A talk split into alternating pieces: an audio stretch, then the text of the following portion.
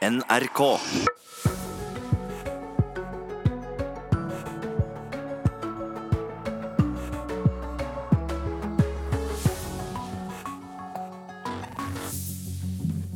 Velkommen til Nyhetsmorgen i NRK P1 og Alltid nyheter og NRK1.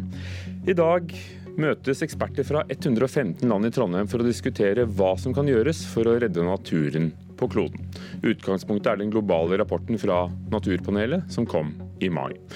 Og hva kan gjøres? Vi får med Miljødirektoratet ganske snart. Én av ti sliter med å betale regninger, og det er så vidt det går rundt. Det viser tall fra Forskningsinstituttet. Og som vi hørte i Dagsnytt, Norge må tilby mer enn Nav, mener SIFO, for å hindre at folk havner i økonomisk uføre. Og så er det dagen derpå i Hongkong. Carrie Lam møtte pressen midt på natten. Lokal tid var det for at resten av verden skulle lytte.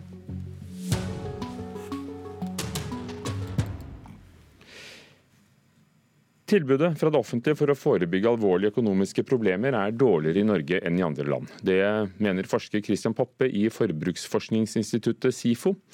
En fersk undersøkelse instituttet har gjort, viser at én av ti nordmenn strever med økonomien. Nav må styrkes, og så bør det opprettes nye nettbaserte tjenester, som andre land har gjort, mener Poppe.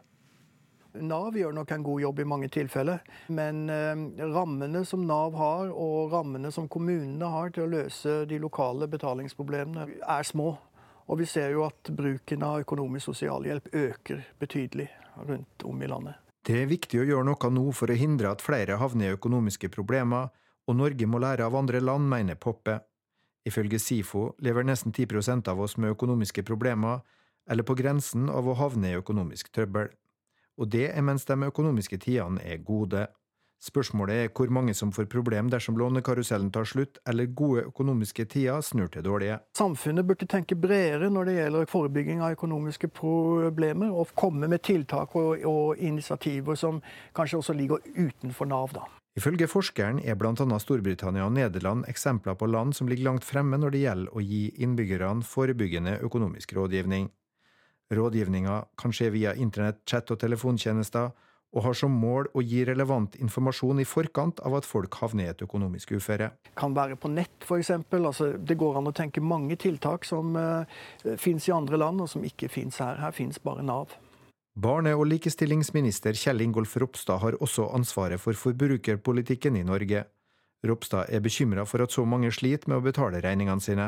Eh, og jeg tror jo f.eks. nettbaserte læringsverktøy om personlig økonomi er noe som, eh, som, har vært nyttig, og som bør videreutvikles for at enda flere skal eh, bli trygge på egen økonomi, få god økonomistyring og da unngå å komme ut i økonomiske problemer. Han sier at regjeringa nå vil se til andre land for å bedre situasjonen også her hjemme. For en snau måned siden la regjeringa frem den første stortingsmeldinga om forbrukerpolitikk på 20 år. Ja, Nå vil regjeringa lage en strategi for å forebygge og hjelpe personer med, med økonomiske problemer. Og, og, det å se til utlandet, det å se på bedre økonomisk rådgivning på nett, er noe som, som vi vil se på i tida framover. Reportere her, det var Johan B. Settem og Tore Tollersrud.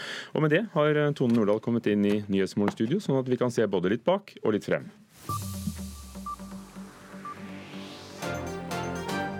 Dette har nemlig skjedd i natt. Minst tolv mennesker har eh, mistet livet, og over 750 er skadd etter oversvømmelser i Sibir i Russland. Ifølge russiske myndigheter er over 32 000 mennesker rammet i over 80 byer, og det er erklært unntakstilstand i Irkutsk-området.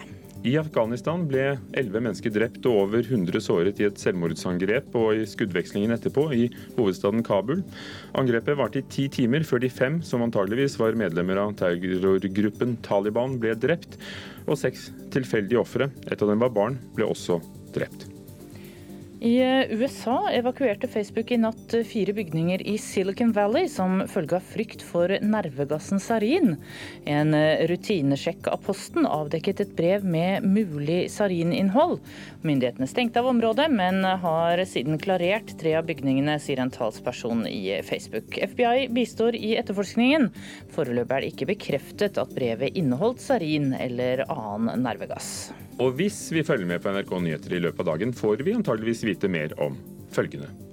Ja, klokka 11 i formiddag samler EU-lederne seg på nytt for enda en gang å forsøke å bli enige om hvem som skal få toppjobbene i Den europeiske unionen.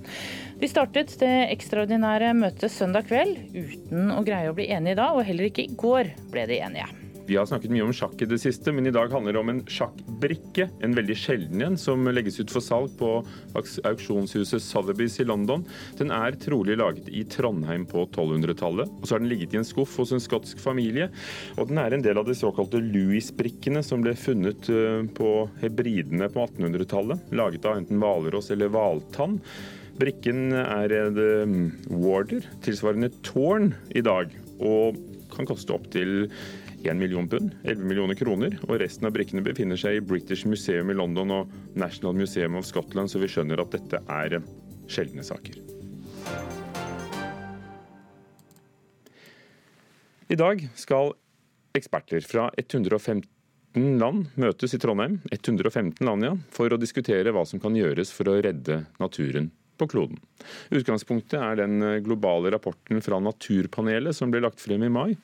Og vi skal eh, høre hva konklusjonene var fra FN-gruppen. Og Tapet av naturmangfold er virkelig akselererende, og det er helt uten sidestykke i menneskets historie. Vi ser kanskje et tap av naturmangfold som er 10-100 ganger større enn liksom det gjennomsnittstapet som har vært de siste 10 millionene år. Og Det vi også ser, sier rapporten, er at vi står overfor eh, en situasjon der én million av eh, klodens åtte millioner plante- og dyrearter kan bli utryddet. Halvparten av disse er dømt til utryddelse hvis vi ikke vi klarer å restaurere leveområdene og økosystemene som de er en del av. Det sa Ivar Baste, som var med i Naturpanelet. Ellen Hambro, direktør i Miljødirektoratet, god morgen. God morgen. Det er du som er eh, vert for eh, denne konferansen, som samler altså et utall fagfolk fra 115 land eh, om biologisk mangfold i én uke. Hva skal skje? Altså, det er 450 mennesker som er hos oss i Trondheim, og de skal diskutere hva kan verden gjøre, hvordan kan verden forplikte seg for å sørge for at vi stopper det tapet av naturmangfold som Ivar Baste så illustrerende beskrev. Det er en dyster situasjon vi er i, og det er viktig at land samles og diskuterer hva man kan gjøre. Så det er en viktig uke for eh, klodens framtid eh, som foregår hos oss nå. Hvem er det som kommer? Det er som du sier 115 land, så det er myndighetsrepresentanter, det er forskere, det er miljøvernorganisasjoner og næringslivsorganisasjoner. Og det at utfordringen for naturen har kommet så høyt på dagsorden, gjør at dette har en økende interesse også i næringslivet. Så det er en bra kobling av folk som skal kna sammen og diskutere hvordan kan man lage en forpliktelse, hvordan kan man sette opp en langsiktig plan for jordkloden som alle verdens land kan bli enige om. Så det er fagfolkene, og parallelt med dette så kommer politikere, eh, hvor miljøminister Ola Elvestuen har vært. Ja, for det er samtidig så benytter Ola Elvestuen anledningen når det er en del eh, viktige folk i byen her, å ha et eh, såpass såkalt høynivåmøte for politikere. Eh, så for den Selve Trondheimskonferansen den er en slags forberedende konferanse eh, som skal legge fram eh, forslag for den store partskonferansen i, for alle verdens land for konvensjonen om biologisk mangfold, som skal være i Kina neste år. Og Det er først da i Kina neste år at politikerne skal begynne endelig å ta stilling. Derfor er det viktig at vi fagfolk får diskutert nå. Så det som dere kommer frem til nå, er ikke forpliktende på den måten. La oss si Parisavtalen hadde noen helt klare politiske mål for uh, verdens land. Nei, du kan si at Vi er som et slags sånn oppvarmingsband liksom, for Parisavtalen. Altså, Vi skal drøfte, og så er det på møtet i Kina høsten neste år at politikerne skal bestemme seg for hva slags slagplan de skal legge for at vi skal ta vare på naturen. Rapporten fra Naturpanelet, vi hørte et lite utdrag av konklusjonene i sted, er dyster lesning. Kan det være for sent, i hvert fall på noen områder? Altså det den Rapporten fra Naturpanelet sier, den sier bl.a. er for sent for verden å nå de Aichi-målene som hele verden fastsatte i 2011. Hva var Rahichi-målene? Det var en del sånn konkrete målsettinger, 20 forskjellige mål for hva man skulle gjøre for å, å bedre tilstanden i naturen. Og Noen av de er liksom så konkrete i tid og tallfeste at man ser at tiden renner ut. Men Naturpanelet sier også at verden har mulighet til å gjøre viktige grep for å bedre tilstanden i naturen, men det haster. Hmm. Og det, det haster. Men som direktør i Miljødirektoratet, hender det at du, at du blir mismodig? Ja, for å være ærlig så gjør jeg det noen ganger. Men det er derfor jeg syns denne jobben er så utrolig interessant. Fordi vi driver med noe som er så utrolig viktig. Det aller, aller viktigste er å ta vare på kloden vår. Hindre klimaendringene og stanse tapet av biologisk mangfold. Så da må vi jobbe som hakka møkk hver dag. Og når det gjelder klimaendringene, helt uavhengig av hvordan folk og land klarer det, så har vi Parisavtalen, som, som står for konkrete mål om utslipp. Tror du dere kan gjøre noe som leder frem til noe lignende om naturmangfold? Ja, Det er jo det verdens land ønsker seg. Få en veldig konkret, forpliktende avtale som er lett å kommunisere til verden hva man skal gjøre for å stanse tapet av naturmangfold. Så er det ekstremt kompleks, og det er vanskeligere å lage et sånn et tallfestet mål, sånn som det er i klimapolitikken. Men jeg tror alle landene er enige om at her må vi brette opp armene og gjøre mer, så vi hindrer at vi ødelegger. For det vi driver med nå, er at vi klipper av greinen vi sitter på. Vi høster og høster av naturen på en sånn måte at den ikke vil være i stand til å fortsette å levere de godene hele verden er avhengig av. Hva er det første som, som skjer i dag når det møtes 450 eksperter? Eh, det er en sånn innledende høynivådel med litt sånn velkomsttaler. Eh, Bl.a. varaordføreren her i Trondheim, statsråden vår, stats eh, miljøvernministeren fra Indonesia, visemiljøvernministeren for Kina, som skal være vertskap for neste konvensjonsmøte neste år. Og så setter vi i gang med konkrete diskusjoner, sånn at her skal det ikke bare være talere fra scenen, det er også gruppearbeidet hvor eksperter fra forskjellige land skal sammen sitte og, og prøve å kna ut løsninger, så man har en felles forståelse av hva som er viktigst, og hvordan man kan nærme seg begreper og forpliktelser i en eh, avtale som kan fastsettes til Kina neste år.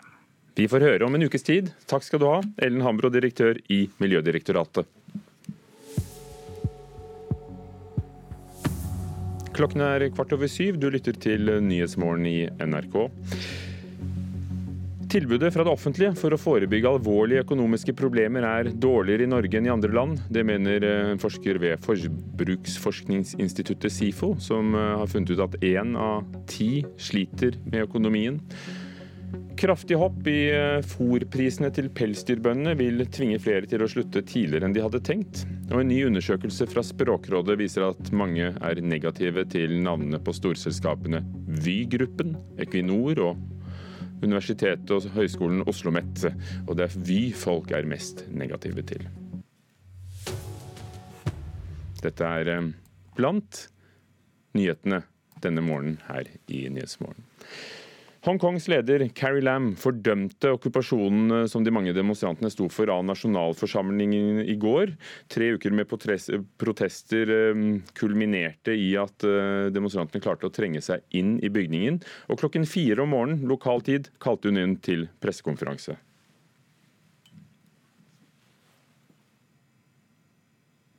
Ja, der skulle vi hørt Carrie Lamp, som sier egentlig at mange er eh, triste, og vi må fordømme bruken av vold og vandalisme.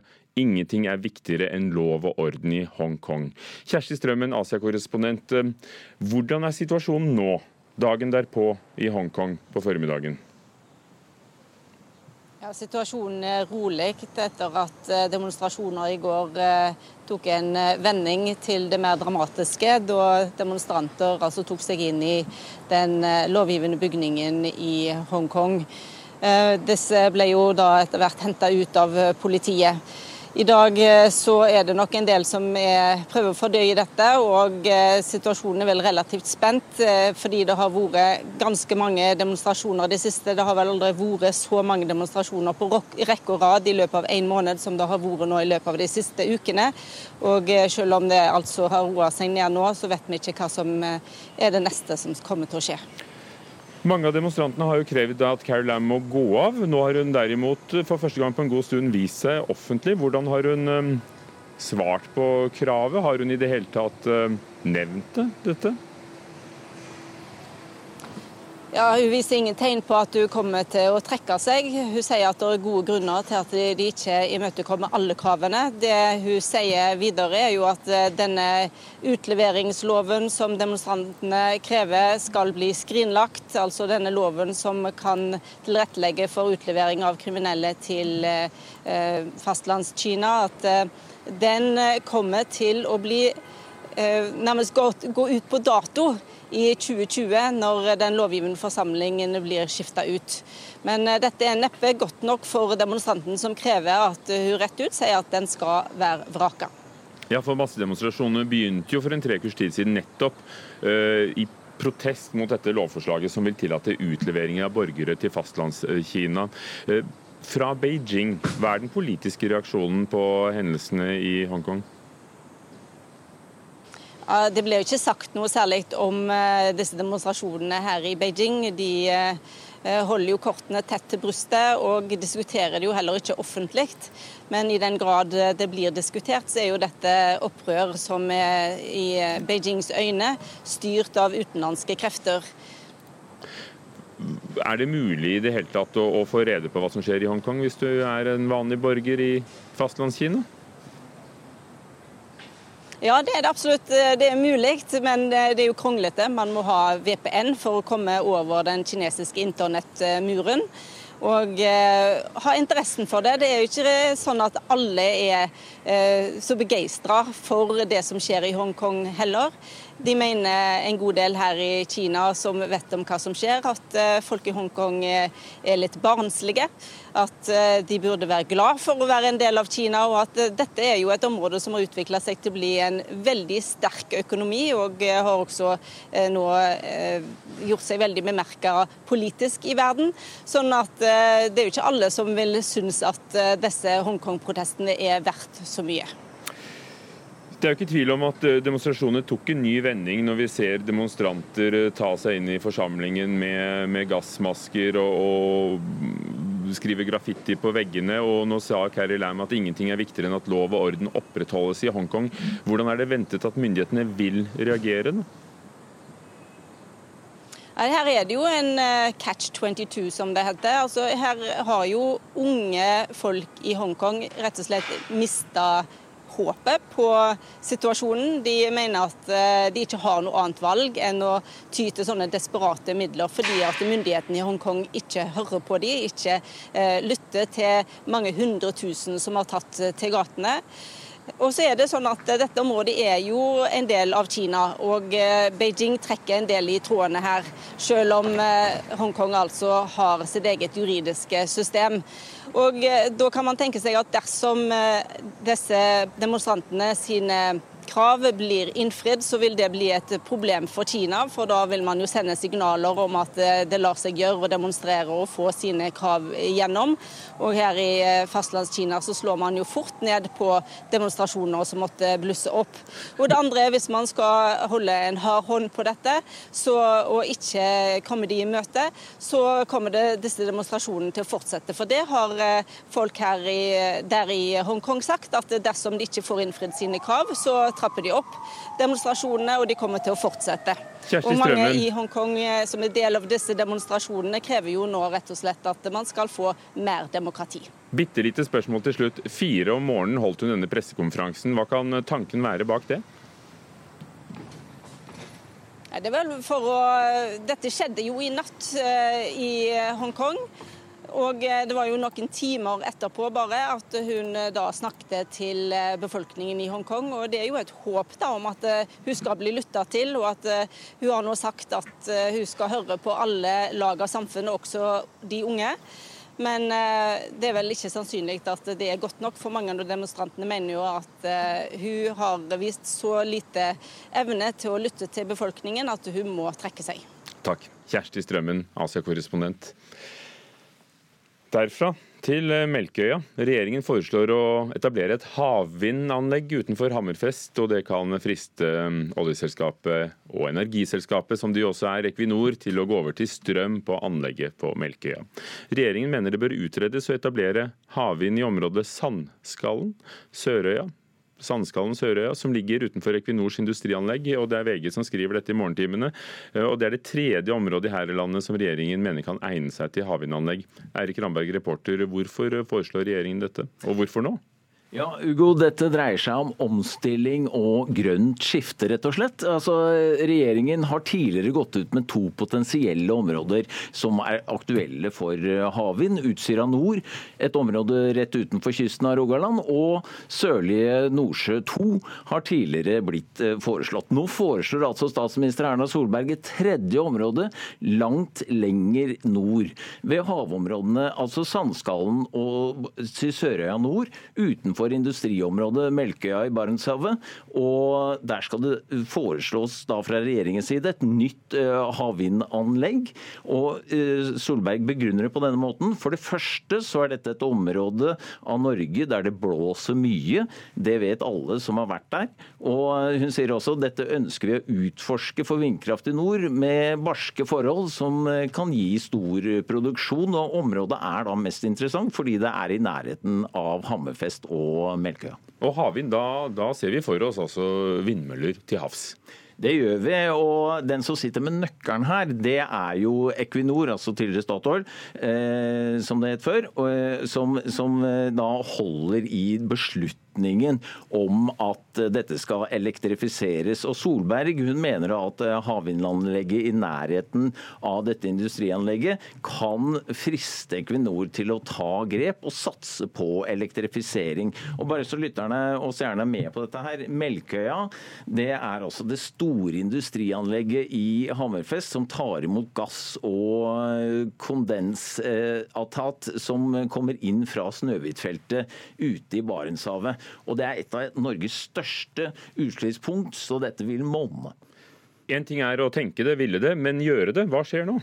Ja, Det som eh, er nøkkelen her, da, det er jo om eh, hva Equinor beslutter. Og det er der eh, spenningen ligger. Om de lar seg friste av denne, dette grepet fra regjeringa. Som VG skriver om i dag. Takk skal du ha, Eirik Ramberg. Førstehjelp, ja. Nyttig å kunne. Og kanskje kan en ny nettside hjelpe oss litt på vei. I dag lanserer Helsedirektoratet en ny og offisiell sertifisert nettside der oppdatert førstehjelpsinformasjon eh, legges frem ganske enkelt og pedagogisk, eh, skal vi tro dere. Bjørn Gullvåg, helsedirektør, hva er nytt med det dere lanserer klokken ti i dag? Ja, Det er et sted hvor eh, folk kan få enda mer kunnskap om førstehjelp. Enten det hjelp til å vite hva man skal gjøre ved hjertestans eller ved hjerteinfarkt eller hjerneslag, om det er giftproblematikk eller hva det skulle være. I tillegg så har man også oversikt over alle hjertestarterne som er registrert i Norge. Og Det gjør jo at eh, du kan finne ut eh, om eh, det er noe i lokalmiljøet ditt. altså Om det finnes en hjertestarter som du kan benytte hvis du kommer over en person kan være en, en venn eller en uh, mor eller far som har fått uh, hjertestans. Ja, den, Dere lanserer den klokken 11, men den ligger der allerede med et kart med antall hjertestartere i området rundt der du måtte befinne deg. Den heter 113.no. 113.no. Er meningen at vi ikke skal ringe til 113, da, men slå opp der? Nei, dette er ikke en side du skal bruke når det skjer. Da skal du ringe 113.no med det samme. Da får du veldig kyndig og god hjelp av Eh, personellet på AMK-sentralene våre. Mange har sikkert sett 113 eh, på TV og ser hvor godt disse jobber. Nå skal vi, vi forsikre oss om at eh, så mange som mulig har kunnskap som gjør at vi kan samarbeide veldig tett med 113 og få enda flere til å reddes av hjertestans. Men det er jo ikke bare bare. altså Én ting er å, å, å, lese om det, men det er jo kunnskap og, og forskjellige teknikker. og Hva vil du si er det viktigste å kunne? Det viser seg at mange er litt usikre. Eh, og, så er det nok sånn at veldig mange likevel kan mer enn det de tror. Eh, så jeg er så utrolig glad hver gang jeg hører om noen som har satt i gang livredning. Eh, og Det aller viktigste å kunne er naturligvis det med hjertekompresjon og, og det å gi hjerte-lungeredning. Og Det kan man få lese mer om på 113.no, og det får man også veldig god instruksjon om hvis man ringer til 113 i en akutt situasjon. Har det forandret seg mye gjennom tidene hva som er førstehjelp? Hvis noen gikk på et kurs for 20 år siden, er det fortsatt gangbar mynt? Ja, Det er nesten gangbart. Altså, det har forandret seg litt Eh, antallet eh, pust i forhold til eh, antallet hjertekompresjoner og den type ting. Man har fått litt mer kunnskap om hva som er aller, aller mest effektivt. Men alt det skal man ikke være så urolig for. Man skal ringe 113 og være klar til å starte og hjelpe til. Da kan vi redde mer enn 200 liv hvert år. Og det er av veldig stor betydning for de det gjelder.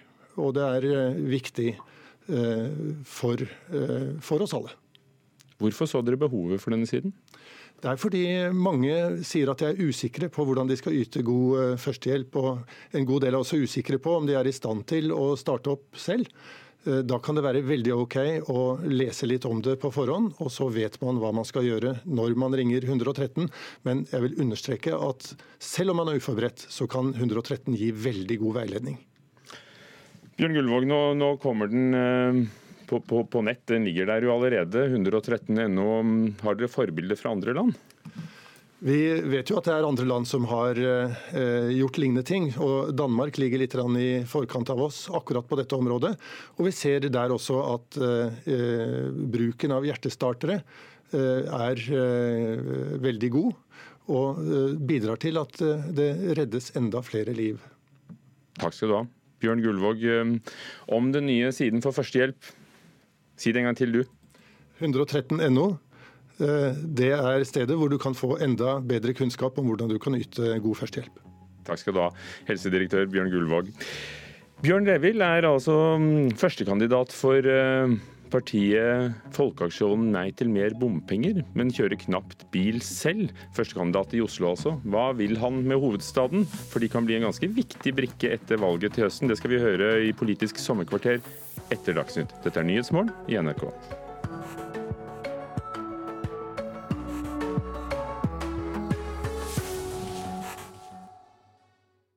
Sommer i P2. Mye rødt i skriveboka og melding med hjem. Han slurver og er ikke nøyaktig, skrevelærer.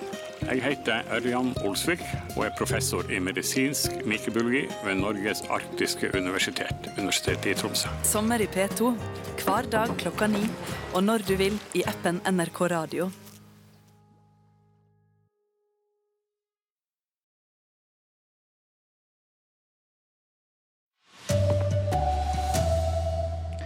Det må gjøres mer for å forebygge gjeldsproblemer i Norge, mener forsker. Hongkongs leder kritiserer demonstrantene som stormet den lovgivende forsamlingen i går. Og tre av fire nordmenn er negative til at NSB byttet navn til Vy. God morgen, her er NRK Dagsnytt, klokka er 7.30. Tilbudet fra det offentlige for å forebygge alvorlige økonomiske problemer er dårligere i Norge enn i andre land. Det mener forsker Christian Poppe i forbruksforskningsinstituttet SIFO. Nav må styrkes, og det bør opprettes nye nettbaserte tjenester, slik andre land har gjort, sier Poppe. Nav gjør nok en god jobb i mange tilfeller, men eh, rammene som Nav har, og rammene som kommunene har til å løse de lokale betalingsproblemene, er små. Og vi ser jo at bruken av økonomisk sosialhjelp øker betydelig rundt om i landet. Det er viktig å gjøre noe nå for å hindre at flere havner i økonomiske problemer, og Norge må lære av andre land, mener Poppe. Ifølge SIFO lever nesten 10% av oss med økonomiske problemer, eller på grensen av å havne i økonomisk trøbbel. Og det er mens de økonomiske tidene er gode. Spørsmålet er hvor mange som får problem dersom lånekarusellen tar slutt, eller gode økonomiske tider snur til dårlige. Samfunnet burde tenke bredere når det gjelder forebygging av økonomiske problemer, og komme med tiltak og, og initiativer som kanskje også ligger utenfor Nav. da. Ifølge forskeren er bl.a. Storbritannia og Nederland eksempler på land som ligger langt fremme når det gjelder å gi innbyggerne forebyggende økonomisk rådgivning. Rådgivninga kan skje via internett, chat og telefontjenester, og har som mål å gi relevant informasjon i forkant av at folk havner i et økonomisk uføre. Kan være på nett, f.eks. Altså, det går an å tenke mange tiltak som eh, finnes i andre land, og som ikke finnes her. Her finnes bare Nav. Barne- og likestillingsminister Kjell Ingolf Ropstad har også ansvaret for forbrukerpolitikken i Norge. Ropstad er bekymra for at så mange sliter med å betale regningene sine. Ja, Nå vil regjeringa lage en strategi for å forebygge og hjelpe personer med, med økonomiske problemer. Og, og, det å se til utlandet, det å se på bedre økonomisk rådgivning på nett, er noe som, som vi vil se på i tida framover. Reportere her var Johan B. Settem og Tore Tollersrud. I Hongkong fordømmer lederen Carrie Lam bruken av vold da demonstrantene i går tok seg inn i byens lovgivende forsamling. Hundrevis av demonstranter stormet inn og ramponerte bygningen. The second scene, which really saddens a lot of people and shocks a lot of people, is the extreme use of violence. Mange synes det er trist og er sjokkerte over den ekstreme bruken av vold, sa Carrie Lam, som er leder i Hongkong. So uh, this is something that uh, we should seriously condemn. Iført gule hjelmer og munnbind storma demonstrantene i går den lovgivende forsamlinga. Der reiste de et britisk koloniflagg, drog ned portrett av lederne i Hongkong fra veggene og spraya byvåpenet med svart måling. Lam understreka hvor viktig det er å ha respekt for lova, og sa at demonstrantene som står bak, kommer til å bli straffa. Hun sa også at det ikke er noen planer om å hente fram igjen lovforslaget som først utløste de store protestene. Det sa reporter Marte Halsør. Og selv om regjeringen i Beijing er lite begeistret for det som skjer i Hongkong, er det sparsomt med offentlige uttalelser fra kinesiske myndigheter. Det sier vår korrespondent Kjersti Strømmen. Det ble jo ikke sagt noe særlig om eh, disse demonstrasjonene her i Beijing. De eh, holder jo kortene tett til brystet og diskuterer det jo heller ikke offentlig. Men i den grad det blir diskutert, så er jo dette opprør som er i Beijings øyne styrt av utenlandske krefter. Er det mulig i det hele tatt å, å få rede på hva som skjer i Hongkong, hvis du er en vanlig borger i fastlandskina? Ja, det er det absolutt. Det er mulig, men det er jo kronglete. Man må ha VPN for å komme over den kinesiske internettmuren og eh, ha interessen for det. Det er jo ikke sånn at alle er eh, så begeistra for det som skjer i Hongkong heller. De mener en god del her i Kina som vet om hva som skjer, at eh, folk i Hongkong eh, er litt barnslige. At eh, de burde være glad for å være en del av Kina, og at dette er jo et område som har utvikla seg til å bli en veldig sterk økonomi, og har også nå gjort seg veldig bemerka politisk i verden. Sånn at det er jo ikke alle som vil synes at disse Hongkong-protestene er verdt så mye. Kjersti Strømmen til kollega Ugo Fermariello. I Sør-Odal i Hedmark har en bonde skutt en ulv i dag tidlig. Ulven skal ifølge bonden ha gått inn i en innhegning der det var sauer. Bonden varslet selv politiet. Elleve mennesker er fortsatt evakuert fra området ved det rasutsatte partiet i fjellet Mannen i Romsdal. Natt til i går ble farenivået satt til rødt. Og reporter Terje Reite, du er i området. Hvordan ser det ut nå? Ja, Her eh, ved fjellet Mann i Romsdalen her har det vært et uh, væromslag. Vi ser at det er snø veldig langt uh, ned ifra fjellet, og vi vet at oppe på toppen så er det minusgrader. Og ut ifra tidligere erfaring så vet vi at når det er minusgrader, da bruker fjellet å stabilisere seg. Det er litt vanskelig å få konkrete opplysninger her fra akkurat i dag tidlig, men etter det vi forstår, så har det også vært lite skredaktivitet i natt. Takk, reporter Terje Reite. Allerede kort tid etter Stortingets vedtak om å legge ned pelsdyrnæringen, er det mange bønder som vurderer å slutte med en gang. Det merker SR Bank, som har mange pelsdyrbønder som kunder. Det sier banksjef for landbruk Morten Malmin. Vårt inntrykk òg at noen blir prestet til å legge ned nokså tidlig. Det er enkelte som er usikre på om de må selge gård og grunn, eller om de eh, klarer seg en konsekvens av dette er at prisen på fôr for de som er igjen, vil kunne stige kraftig, sier Martin Svebestad i Klepp regnskapslag, som har oversikt over 22 større eller mindre pelsdyrbønder. Fôrprisen er jo en kjempeutfordring, fordi at de har jo et pelsdyrfòrlag som produserer dette fôret, og som igjen, for at dette skal kunne fungere økonomisk fornuftig, så må de ha et visst volum på det. Så det er klart for de som velger å holde det gående så lenge så de har mulighet, vil få ekstra utfordringer. Og helt sikkert dyrere fôr. I månedsskiftet september-oktober vil bøndene få vite mer hva de får i kompensasjon fra staten. Og det er ikke sikkert de får nok penger til å rive driftsbygningene sine, sier Malmin. Riving var som en egen post, så i beste fall så dekker kostnaden med riving. I verste fall så blir det en ekstra kostnad der som gjør at de, de må betale i tillegg. da. Reporter her var Svein Jakob Mathisen. Så kommer det nå melding om at politiet har pågrepet to menn i 20- og 30-årene i Oslo sentrum. I forbindelse med pågripelsen ble det funnet en ladd pistol. Begge mennene er tidligere kjenninger av politiet, og de er nå kjørt i arresten. Regjeringen foreslår å etablere et havvindanlegg utenfor Hammerfest i nord, og tror det kan friste Equinor til å gå over til strøm på anlegget på Melkøya. Det skriver VG. Dette er det tredje området her i landet som regjeringen mener kan egne seg til havvindsanlegg. En ny undersøkelse fra Språkrådet viser at mange nordmenn er negative til navnene Vy, Equinor og Oslo Met. Og det er Vy folk eh, synes minst om. Jeg syns den er tullete. Ja, det gjør jeg. Jeg syns, er, synes det er et ord som vi ikke bruker i Norge. Jeg bryr meg egentlig ikke så mye. Altså, det er jo samme greia. Det er tog. Tull og tøys. Det sier folk vi møtte på Oslo S.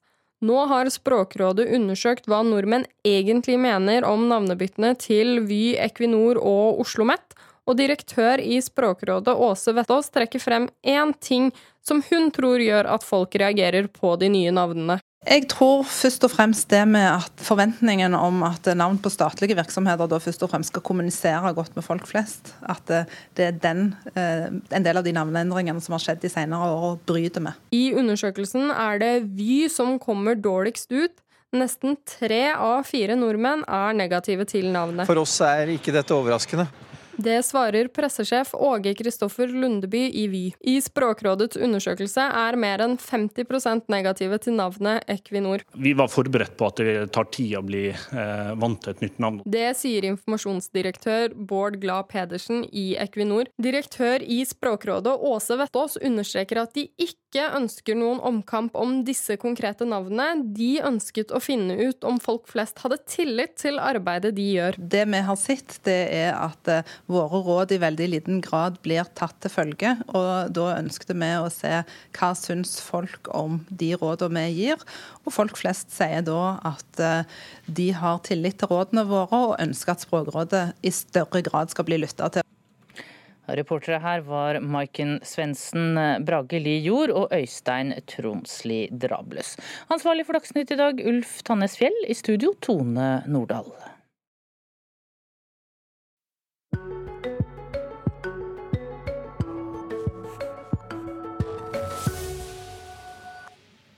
Før Politisk kvarter, sommerkvarter, som er portretter i løpet av hele sommeren her i Nyhetsmorgen, så skal vi høre om noe som er en pest og en plage, men også gull verdt.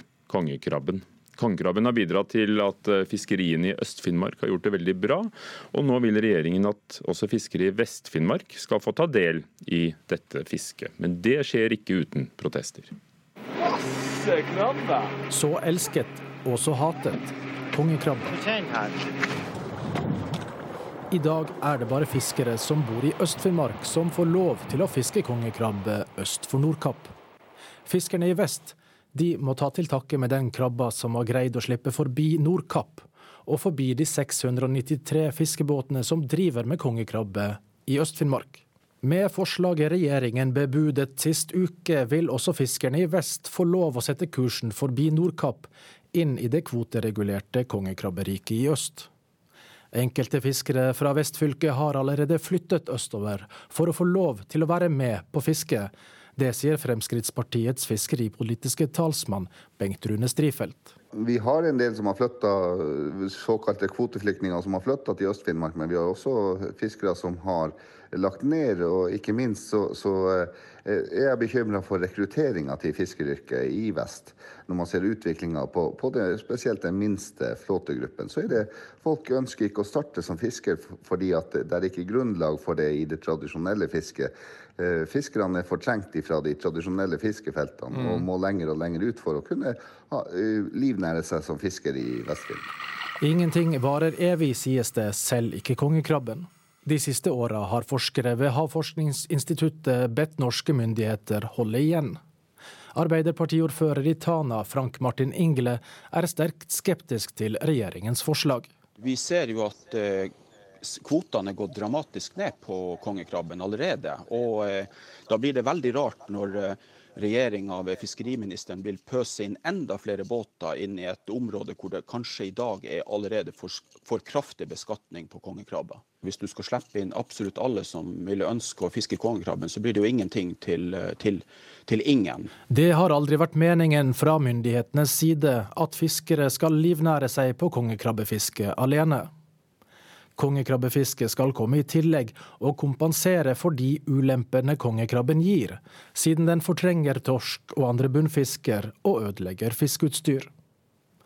Men etter hvert som kongekrabben sprer seg vestover, har den også begynt å bli en plage der, sier Strifeldt. Når man ser eh, utviklinga med kongekrabbe, så er det jo dem som eh, blir berørt av eh, kongekrabbens inntreden, skal også kunne høste av den. Når man ser utviklinga de siste årene, så har kongekrabben vandra både hurtigere og lengre enn man tidligere har forventa. Altså, flere fiskere i vest blir eh, berørt av eh, kongekrabben, og har også da rettighet til å kunne fiske etter kongekrabben.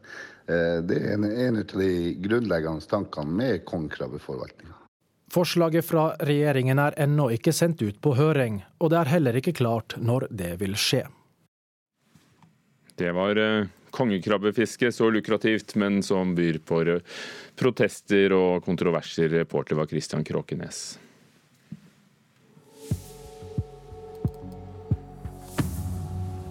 Klokken nærmer seg kvart på åtte. Dvs. Si den er 7.44, og dette er Nyhetsmorgen i NRK P2 og Alltid nyheter og på NRK1.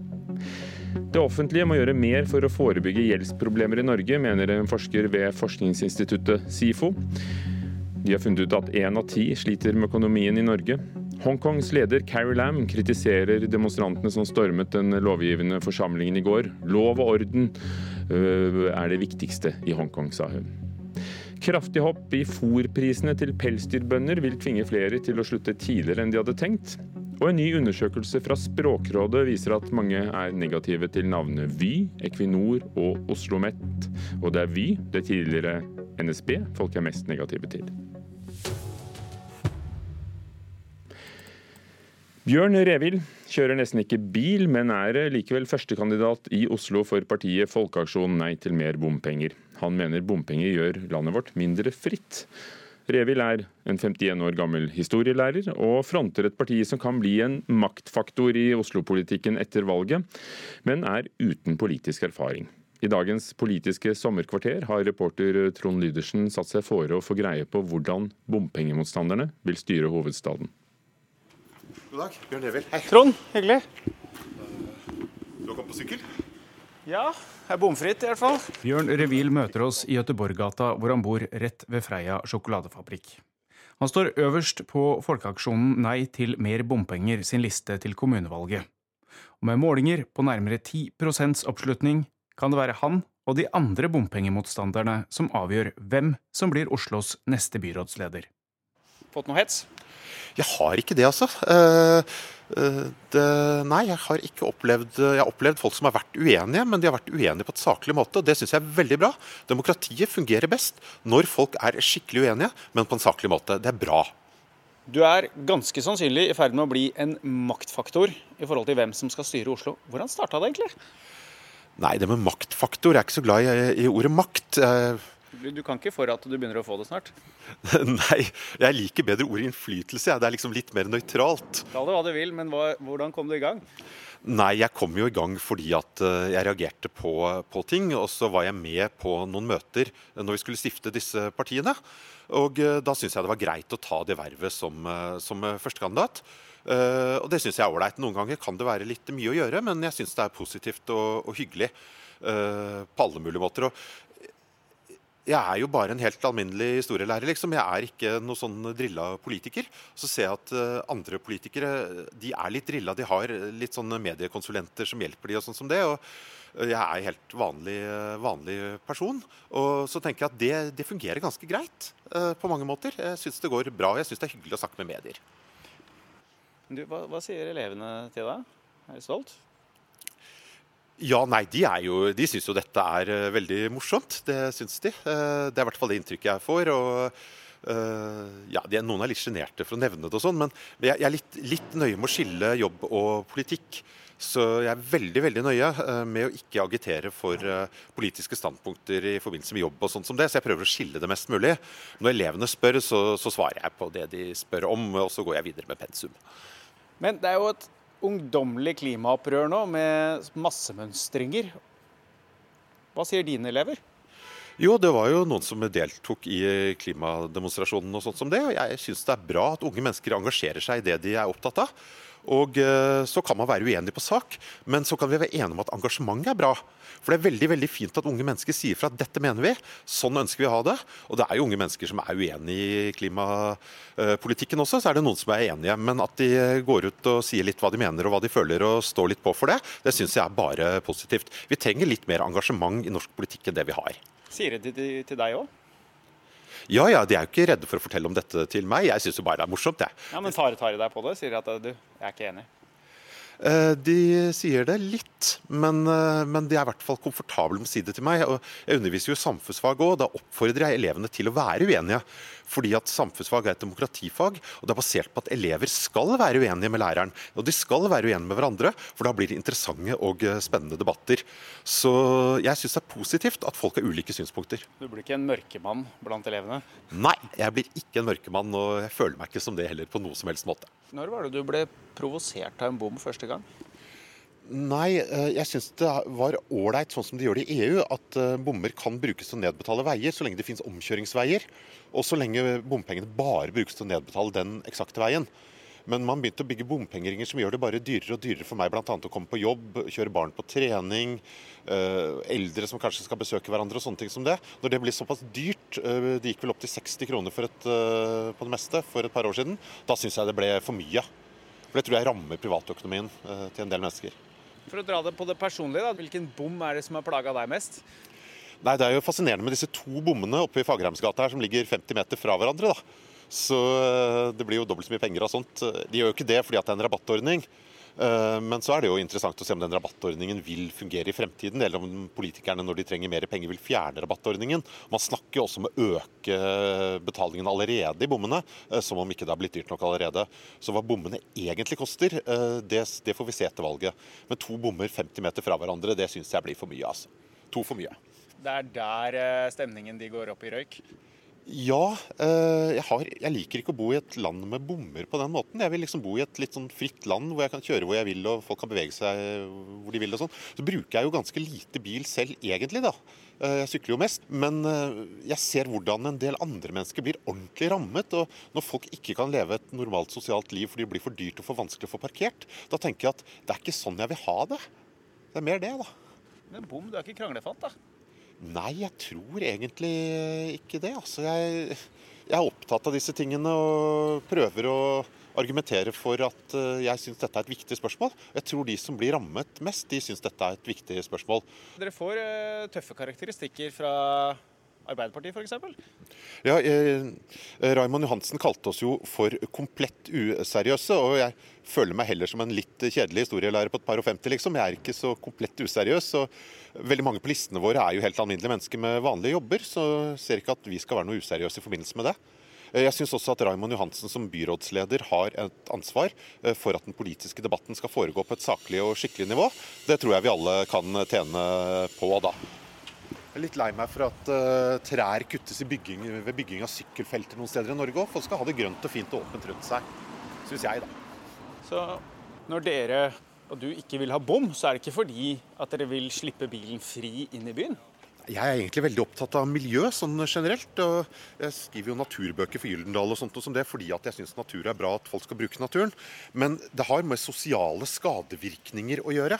Eh, måten bompengesystemet fungerer på, rammer skjevt og tilfeldig. Det er det vi reagerer på, egentlig. Det er klart vi vil ha en by med et flott og fint bymiljø, men så er det spørsmål hva det er for noe. Der er partiene kanskje noe uenige.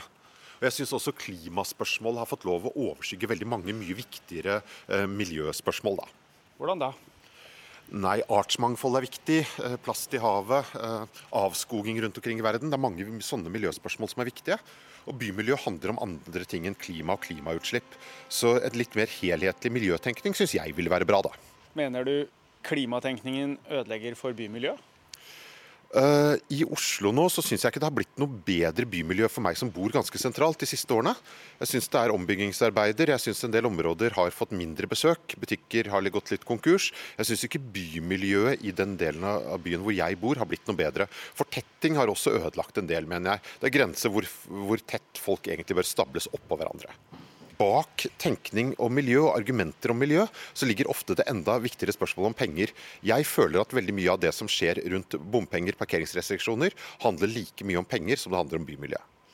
Det handler jo om penger. Hvordan skal du finansiere det man gjør i Oslo uten bom? Eh, vel, byen har jo klart seg i 1000 år omtrent uten bompenger. Litt færre folk, da? Jo, jo, men det har stort sett gått, uh, gått uh, ganske fint å få byen til å fungere uten bommer. Uh, når det gjelder veiutbygginger og sånt, så syns jeg staten skal ta et større ansvar for riksveiutbygginger. At ikke de skal skyves over lokalt, for de skal jo brukes av andre enn Oslos befolkning òg, så det bør være et statlig, statlig ansvar. I tillegg så betaler jo bilførerne så mye avgifter i Norge at hvis man hadde brukt en større andel av det på faktisk veier og infrastruktur, så ville det vært mer enn nok. Men likevel, sånn som man står i Oslo i dag, så kommer det mange milliarder inn til å bygge kollektiv, til å bygge sykkelstier. Hvordan skal du finansiere det uten bom, da?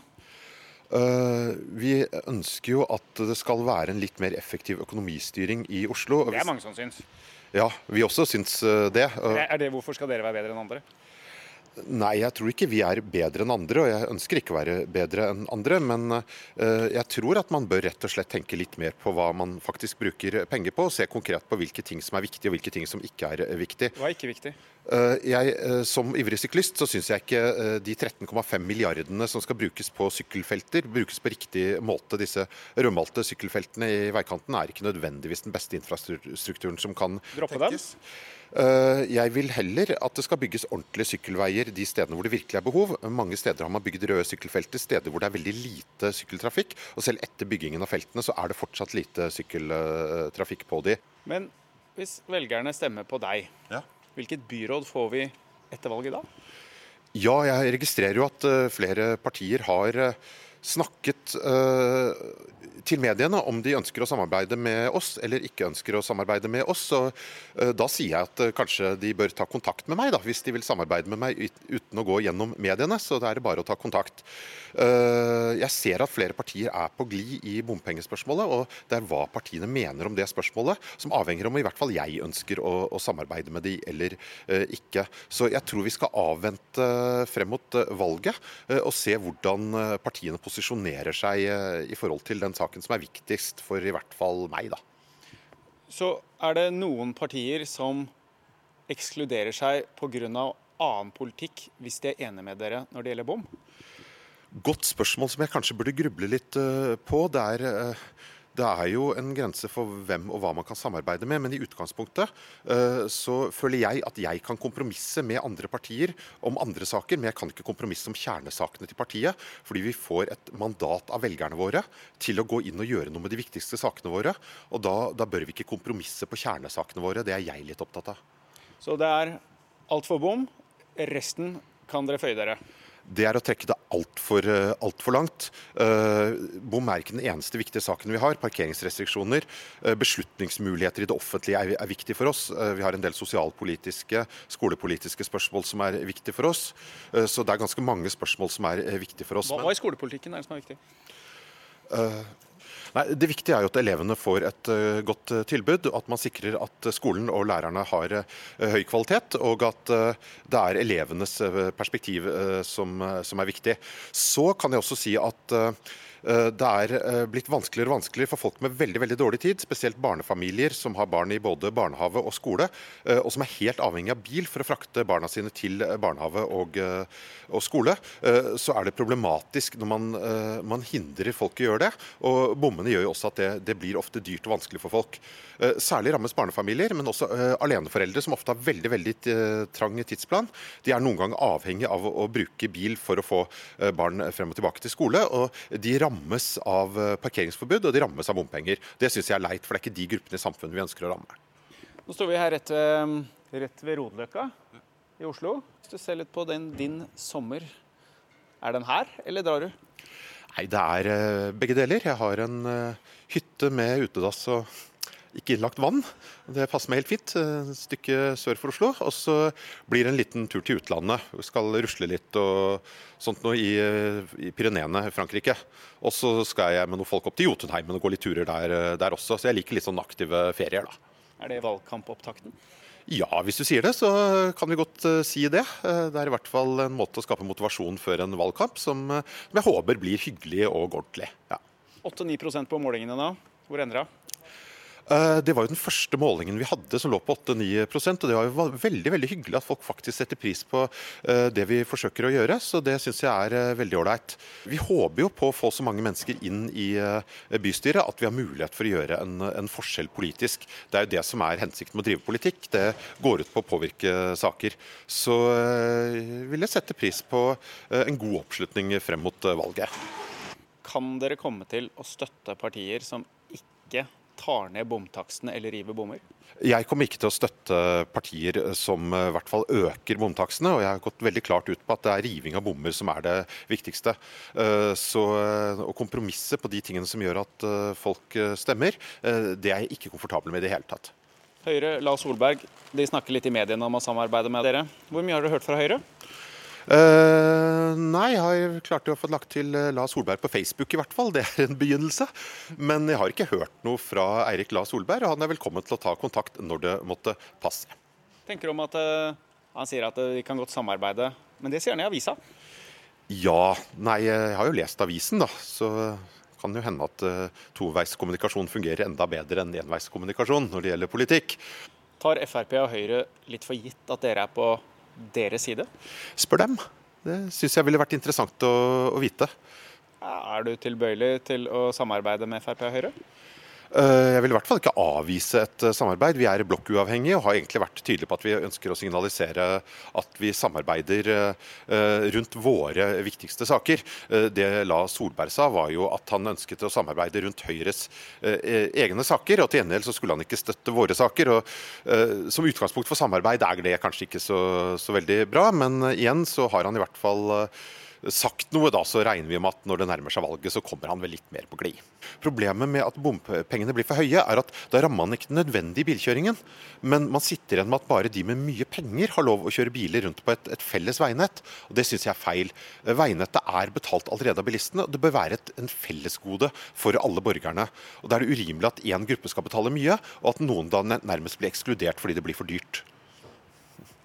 Riktig god sommer, da. Eh, tusen takk. Reporter Trond Lydersen og Bjørn Revild fra Folkeaksjonen Nei til mer bompenger.